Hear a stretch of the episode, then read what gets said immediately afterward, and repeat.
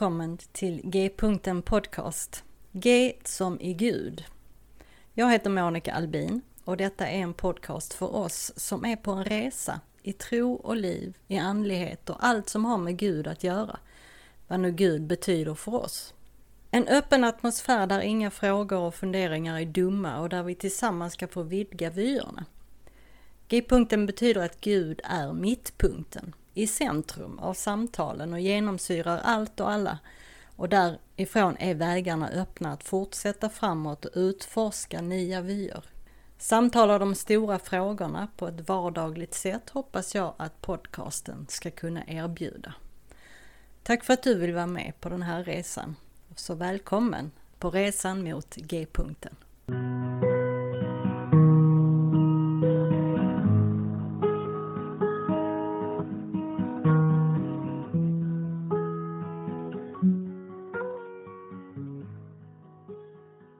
Hej och välkommen tillbaka till G-punkten Podcast. I dagens avsnitt samtalar jag med prästen, satirikern och bildkonstnären Kent Visti från Lund. Han är ju känd för sina satirteckningar och han hörs och syns en hel del i media. Vi träffades personligen och fikade tillsammans och hade väldigt trevligt. Och första delen av vårt samtal är från vårt möte då. Eh, innan inspelningen av någon anledning bestämde sig för att stanna. Så andra delen av vårt samtal gjordes senare via Zoom. Så det kommer ni att höra i skillnaden på ljudet. Kent han berättar om sig själv, om sitt arbete på olika fronter och om sin konst. Så utan att dröja nu så ska vi lyssna på samtalet med Kent Visti på temat Gud, Pride, polyamori och erotisk konst. Okej, okay, men välkommen då till G-punkten Kent Wisti. Tusen tack, tusen tack. Det är jättetrevligt att du vill vara med. Att vi kunde träffas så här in real life. Ja, det är det bästa tycker jag. Yeah. När det går att fixa. Verkligen. Eh, jag tror nog att många vet vem du är. Men du kan väl börja med att bara kort presentera dig själv, vem du är, vad du gör, kanske lite om din mm. familj. Mm, jag är eh, präst, bildkonstnär, författare. Uh, arbetar på Lunds, äh, stiftskansliet för Lunds stift. Mm. Alltså biskopens kansli. Lunds stift är då Skåne, Blekinge. Där jag jobbar som stiftsadjunkt för mission med en speciell inriktning på samhälle, kultur. Uh, bor tillsammans med katterna Runeberg och Mannerheim och min halvvuxna dotter som kommer och går lite hur hon vill. Så. Okej. Okay. Mm. Bor i Lund också eller? Ja. Mm. Mm. Okay. Härliga namn på katter. Jo, det är det liksom finlandssvensk. Ja. med finlandssvenska ikoner. Så jag hade en finlandssvensk period. Ja. Sorry. Min, min mamma är från eh, Österbotten. Ja, ja. Så började jag intressera mig för det ungefär samtidigt som jag skaffade katter. Så blev det Runeberg och Mannerheim. mm. Nu tog jag en stor tugga med chokladboll här. Så. Mm. Mm, mm. Men många har ju också säkert sett dina satirteckningar. Mm. Och även hört dig sommarprata i radio. Just det. Mm. Så du är ganska känd ändå tror jag. Ja, vi ska ta upp några ämnen här idag tänkte jag som Gud och kyrkan, Pride, polyamori, erotisk konst. Ja men typ. Mm. Sånt man brukar prata med en präst. Mm. Um, men innan det så skulle du vilja berätta lite om din uppväxt. Min upp, um, mm. var, om det var troende hem eller när Gud kom in i bilden och när och var du förstod att du skulle bli präst och sådär. Mm. Mm? Jag är uppväxt i en eh, vad ska jag säga, ganska ordinär, sekulariserad svensk arbetarklassfamilj. Och det fanns liksom ingen det fanns ingen, framförallt inget kyrkligt liv och så men det fanns heller ingen, ingen aversion eller någon misstänksamhet varken mot tro och kyrka. Men det hörde liksom inte till. Man pratade inte om det hemma så. Eh, däremot så, jag gick inte på dagis men man tyckte väl det skulle vara någon slags social träning. Så ett par dagar i veckan fick jag gå då på kyrkans barntimmar som det hette. Eh, och det var ju väldigt liten. Eh, och där tänker jag, för det har jag liksom alltså till och med tydliga minnen från de där bibelberättelserna. Och, mm.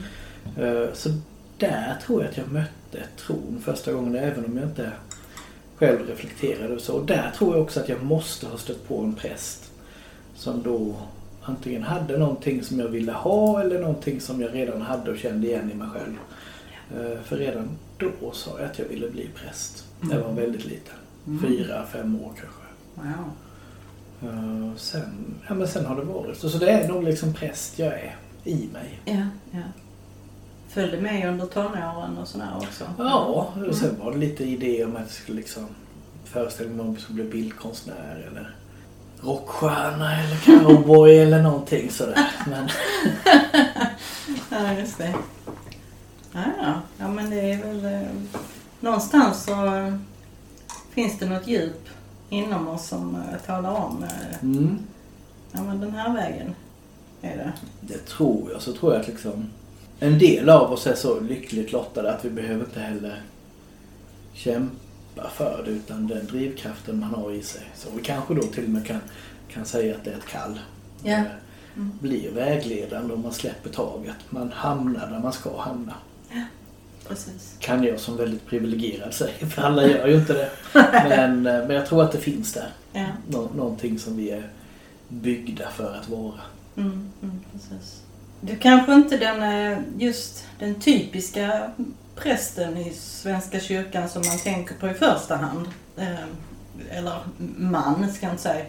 Eh, Människor i allmänhet.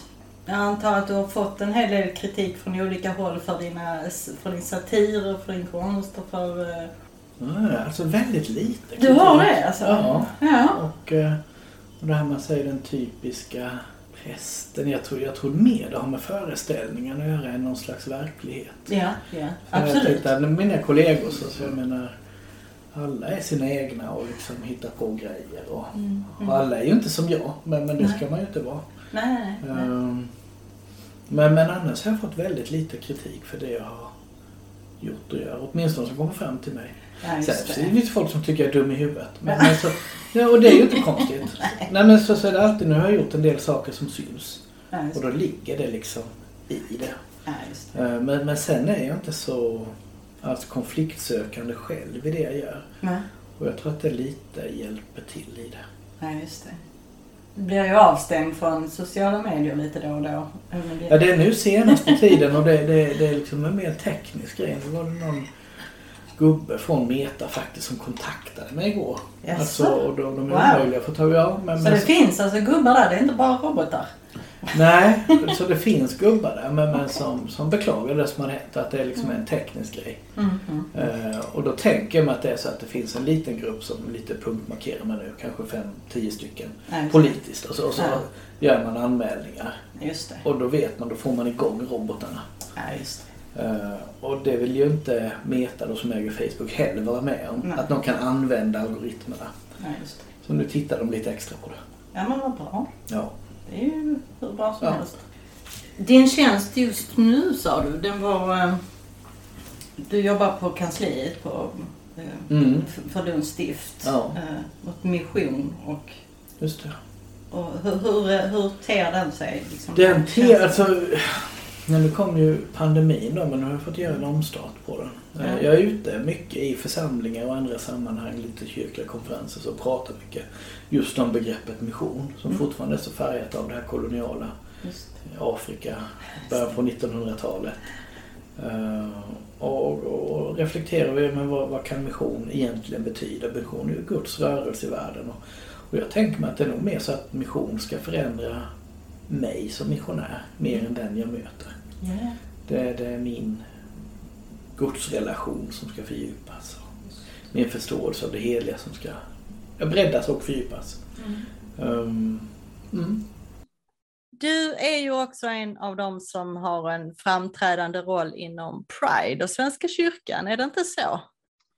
Eh, alltså, både ja och nej. Jag är inte så engagerad. Däremot så har jag liksom synts i vissa sammanhang och det är rätt typiskt när man, när man har varit med i, i media lite sådär och så eh, det finns mängder av människor ute i församlingarna i Svenska kyrkan som sliter som djur för bland annat Pride.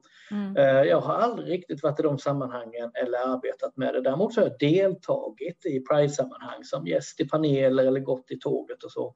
Mm. Eh, och syns och uppmärksammats för det. Men, men mm. jag är verkligen ingen sån här hjälte som har slitit där ute. Det finns det många, många andra som har gjort. Ja, ja för att jag tycker man, man ser ju ditt ansikte lite överallt som sagt. När, det, när det är sådana, men det är kanske vad heter det, reportrarna och journalisterna som råkar se dig där då. Och, ja, jo. Och får, får syn på det. Eh, men Svenska kyrkan var, var och är ju en föregångare för eh, många av oss övriga församlingar som inte får riktigt tummarna loss när det gäller eh, hbtq-frågor. Mm. Eh, så det är nästan skåpmat för er och så därför tänker jag att nu så har det ju kommit upp diskussioner och artiklar och så vidare om polyamori.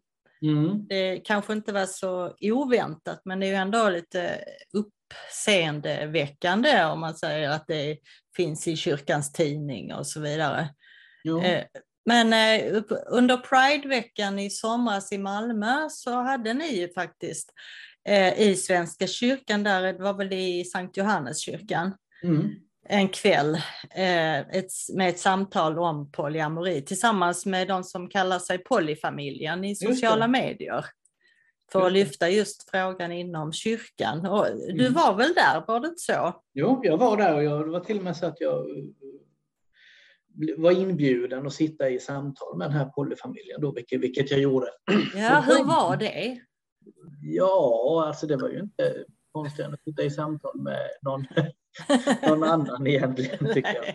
Men jag tycker frågan är så pass viktig därför att det är ju Alltså, jo, men jag, jag, jag, kan väl tycka att frågan om polyamori i sig är viktig att vi pratar om och, och eh, hur vi förhåller oss till det. Men framför allt så är det ju liksom ett pastoralt förhållningssätt det handlar om. Mm. Jag har ju sett när den här frågan har lyfts nu i vissa kommentarsfält på Facebook, på vissa, vissa kristna tidningar och så också. Mm. Där tonläget är oerhört hårt och på gränsen till hatiskt, där man kallar människor för äckliga och man vill bara knulla mm. runt och det här är osedligt etc. Mm. Och jag tycker att det är så bedrövligt så, så att det som jag tycker är viktigt och det som jag tycker är poängen med det här, det är inte polyamorin, utan hur vi behandlar och möter och samtalar med och om vuxna människor som har gjort sina livsval om kärlek. Mm.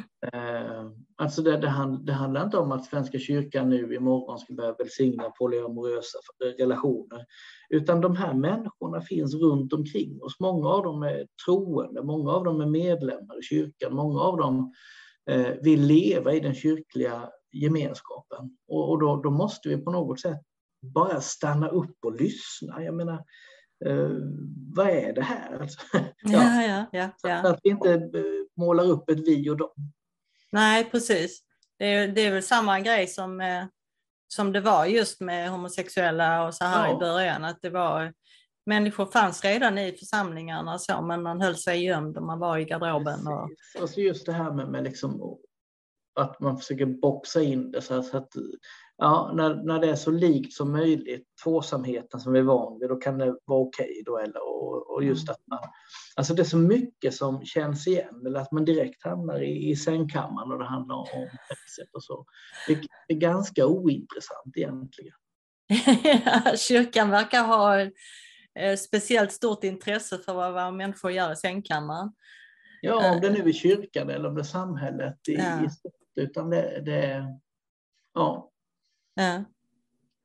Eh, hade de eh, någon speciell koppling till någon kyrka, så, de här polyfamiljen? Ja, jag förstod det så, så var de från det här lilla samhället uppe någonstans i Mellansverige så de tyckte om kyrkan. Jag vet inte om hur liksom aktiva i församlingen och så där de var, men de hade ju gärna sett att, att, att deras familjebildning kunde få, få stadfästas genom rit i kyrkan, i kyrkan och, och när det inte gick så ville de låna kyrkorummet och när det inte gick så hade de det hemma i trädgården men ville kanske att någon från församlingen skulle komma och läsa en bön eller något. Men mm. eh, inte ens det. Och jag tror inte det handlar om liksom någon elakhet eller någon inskränkthet utan lite ängslighet. Vi vet inte riktigt hur vi ska förhålla oss till det just för att vi inte har pratat om det. Mm, mm. Och egentligen går det väl bara helt enkelt tillbaka till medmänsklighet på något sätt. Absolut. Att eh, om nu någon, någon, någon utifrån verkligen vill, vill, vill, kan ni komma och be en bön? Ja. Det, det händer ju inte jätteofta om man säger. Nej, nej visst. Så, eller lämna en blomma eller, eller ja. någonting. Ja. Nej, och det var vad jag uppfattade av det här samtalet. det kanske ja. fanns säkert jättemycket annat i detta som gjorde att man inte man ja. kanske inte hade tid i församlingen. Så det, det vet jag inte. Men, men, men jag, jag, för mig så blev det en tydlig bild i stort av hur liksom, mm. tafatta osäkra vi är i det här ämnet. Mm, mm. Ja, jo, så är det ju. Men, eh, alla sådana här liksom kommentarer och sådär på sociala medier som du sa. Um, polyamori och, och kristen tro, går det ihop, tycker du? Alltså rent personligen? Mm. Ja, alltså kristna tron handlar men jag tänker liksom krist, kan, kan polyamori också drivas av en kristen sexualetik då? Eh, och då tänker man att sexualetiken är ju inte egentligen någon annan etik än, än vilken annan etik som helst som handlar om, eh, om respekt, ömsesidighet, eh, ansvarighet inför varandra, alltså symmetriska maktrelationer, hur man pratar om det och samtycke och jag menar, alltså alla de här bitarna som finns i, i, i det som vi pratar om i, våra, i tvåsamhetsnormen mm, mm. Eh, kan ju också få plats i, i ett polyamoröst förhållande och relation menar jag. Eh, ja. Ja. Jo, och då, då, på, på det sättet så, så, är det ju, skulle jag vilja säga, en kristen eh, sexualmoral. Men sen är det klart att jag, jag menar, vi, vi lyckas, misslyckas alla i våra liv och även i våra kärleksliv och sådär. Så ja, så är det ju. Ja. Absolut. Ja, nej, jag, jag känner ju liksom en del människor som lever i polyamorösa förhållanden på olika sätt. För det finns mm. ju inte bara, man kan inte bara säga att det här är ett polyamoröst förhållande och så är det på ett visst sätt. Utan Nej, det, det finns ju, jag vet inte hur många variationer ja. som, som det finns. Liksom. Ehm, så där, där kommer vi bara tillbaka till det, liksom, med, med just med medmänskligheten och med eh, ja, att man ser det med, med en sorts respekt. Precis. Kan jag tänka. Mm. Mm, ja, vi får väl se. Är det någonting som Svenska kyrkan jobbar vidare på på något sätt? Eller var det bara liksom, nej men nu tar vi upp det här så vi ser var det hamnar? Alltså det, det finns ingen eh, fastlagd plan så att säga med olika steg och så utan jag, jag tror det var liksom ett öppnande och så får man se vad som händer och är lite lyhörd inför vilka samtal som, mm. Eh, kommer ur detta. Och det tror jag är rätt, sätt, rätt väg att gå. Därför att det, det är liksom inte heller så att vi kan driva frågan utan det måste vara Alltså jag tänker utifrån de polyamorösa själv som, som får lyfta frågan och då får Svenska kyrkan finnas där. Ja. Det handlar ju inte om ett vi och dem här heller utan polyamorösa är ju också Svenska kyrkan. Ja, precis. Jo, det är ju så, absolut. Um, du, sen så måste vi prata faktiskt om din erotiska konst. Ja. Du målar ju annat också eh, mm. förstås. Men, eh, men en präst som målar erotisk konst och dessutom ställer ut i, i kyrkor, eh, eh höjs det inte många ögonbryn eller? Nej. Mm, nej, nej, det skulle, nej, inte jättemycket. Eh, faktiskt. Eh, jag har aldrig, jag, när den här den erotiska konsten är utifrån ett arbete som heter Kyss som mm. då är ett arbete kring Höga Visan som jag gör tillsammans med poeten, författaren Maria Kyrchen och Susanne Dahl som då är teologisk kunnig i, i, i sammanhanget. Så en meditation kring Höga Visan som då ju är erotisk i sin form. Eh, bibelboken Höga Visan. Mm. Så det vore märkligt att inte också formen i meditationen över det var erotisk. Så. Eh, sen gäller det att hitta, hitta ett bildspråk som på något sätt eh, kan behålla någon slags nerv, alltså erotik och erotika som genre ska ju också om möjligt kunna väcka lust. Eh, och även om det kanske inte är det eftersökta, men om det skulle hända så, så är det liksom inte fel. Men, men det är poängen, man går på man går på komedier för att skratta, tragedier för att gråta, man går på, man går på skräckfilmer för att bli rädd och man läser erotika för att bli kort. Alltså det är inte så jättekonstigt. Uh, så, att den biten finns ju i de här också, men, sen Alltså de här erotiska bilderna jag jobbar, det är ju en motbild till pornografin och det sexualiserade samhälle vi lever i. Eh, alltså när, när, kyrkan gav upp sin, någon gång i och med den sexuella revolutionen, 50, 60, 70-talet, där, sitt tolkningsföreträde över människors sexualitet, så kom det ju direkt ett nytt sexualförtryck, så att säga, det kommersiella sexualförtrycket med hela reklamindustrin och med framförallt pornografin då som, som bär och utstrålar en människosyn som är långt ifrån kristen, om vi nu ska prata kristen sexualetik. Mm. Eh, som är en väldigt instrumentell syn på sexualiteten och en konsumistisk syn där, där vi så att säga ska konsumera varandra. Eh, och en ekonomisk syn där man hela tiden väger relationer till vad de kan tillföra mig etc. Eh, och den utstrålas ju i, i pornografin. Då. Höga visan i Bibeln pratar om ett helt annat sätt att relatera till varandra men också med sexualitetens plats. Mm. Eh, så även om inte Kyss är en kamputställning så är det ju absolut ett alternativ eller, eller en motbild till pornografin. Då. Eh, mm.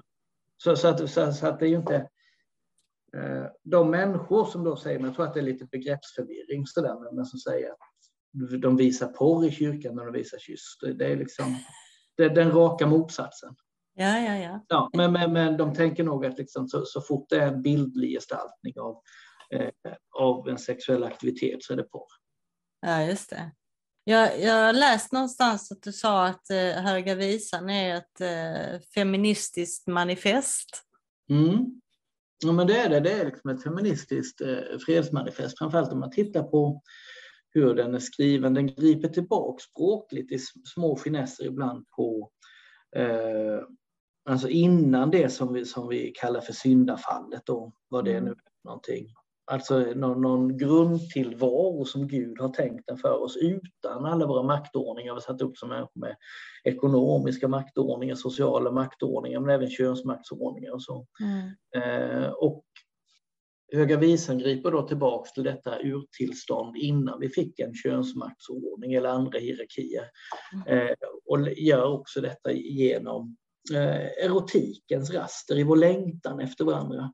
Mm. Eh, och i detta så, så, finns ju även kroppens längtan efter varandra men det finns också den existentiella eh, nödvändigheten, behovet av samhörighet och närhet.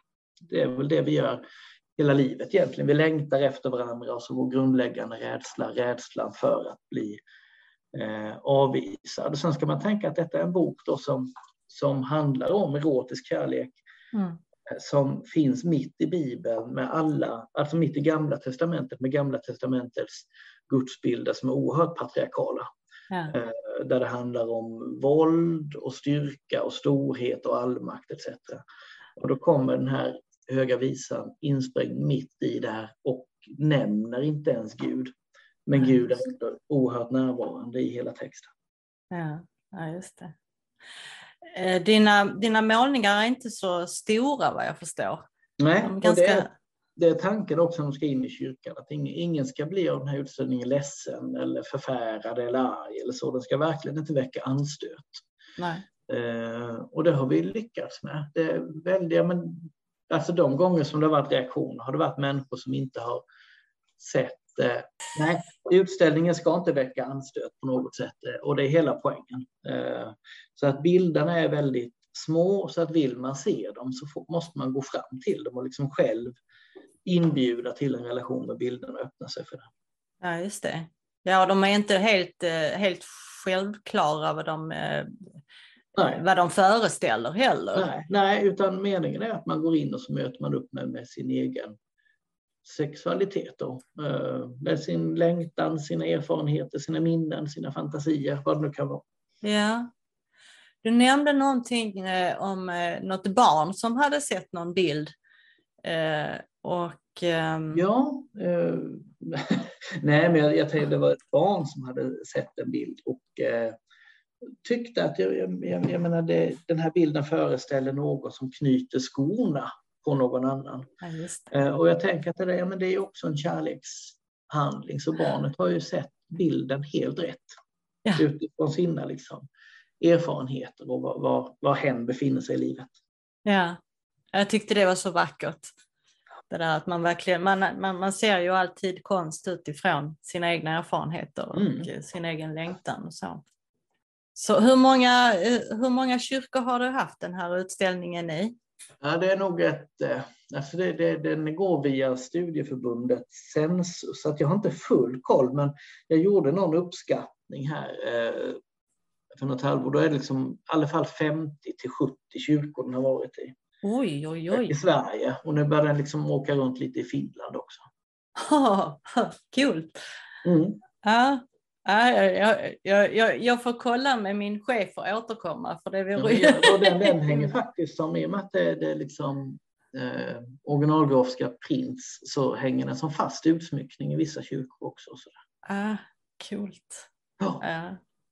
Jag hade gärna haft ett antal av dem hemma om jag hade haft andra ekonomiska förutsättningar. Inte för att de är dyra, men eh, för, för, att jag inte riktigt har förutsättningar. Men jag, jag, tycker väldigt mycket om bilderna.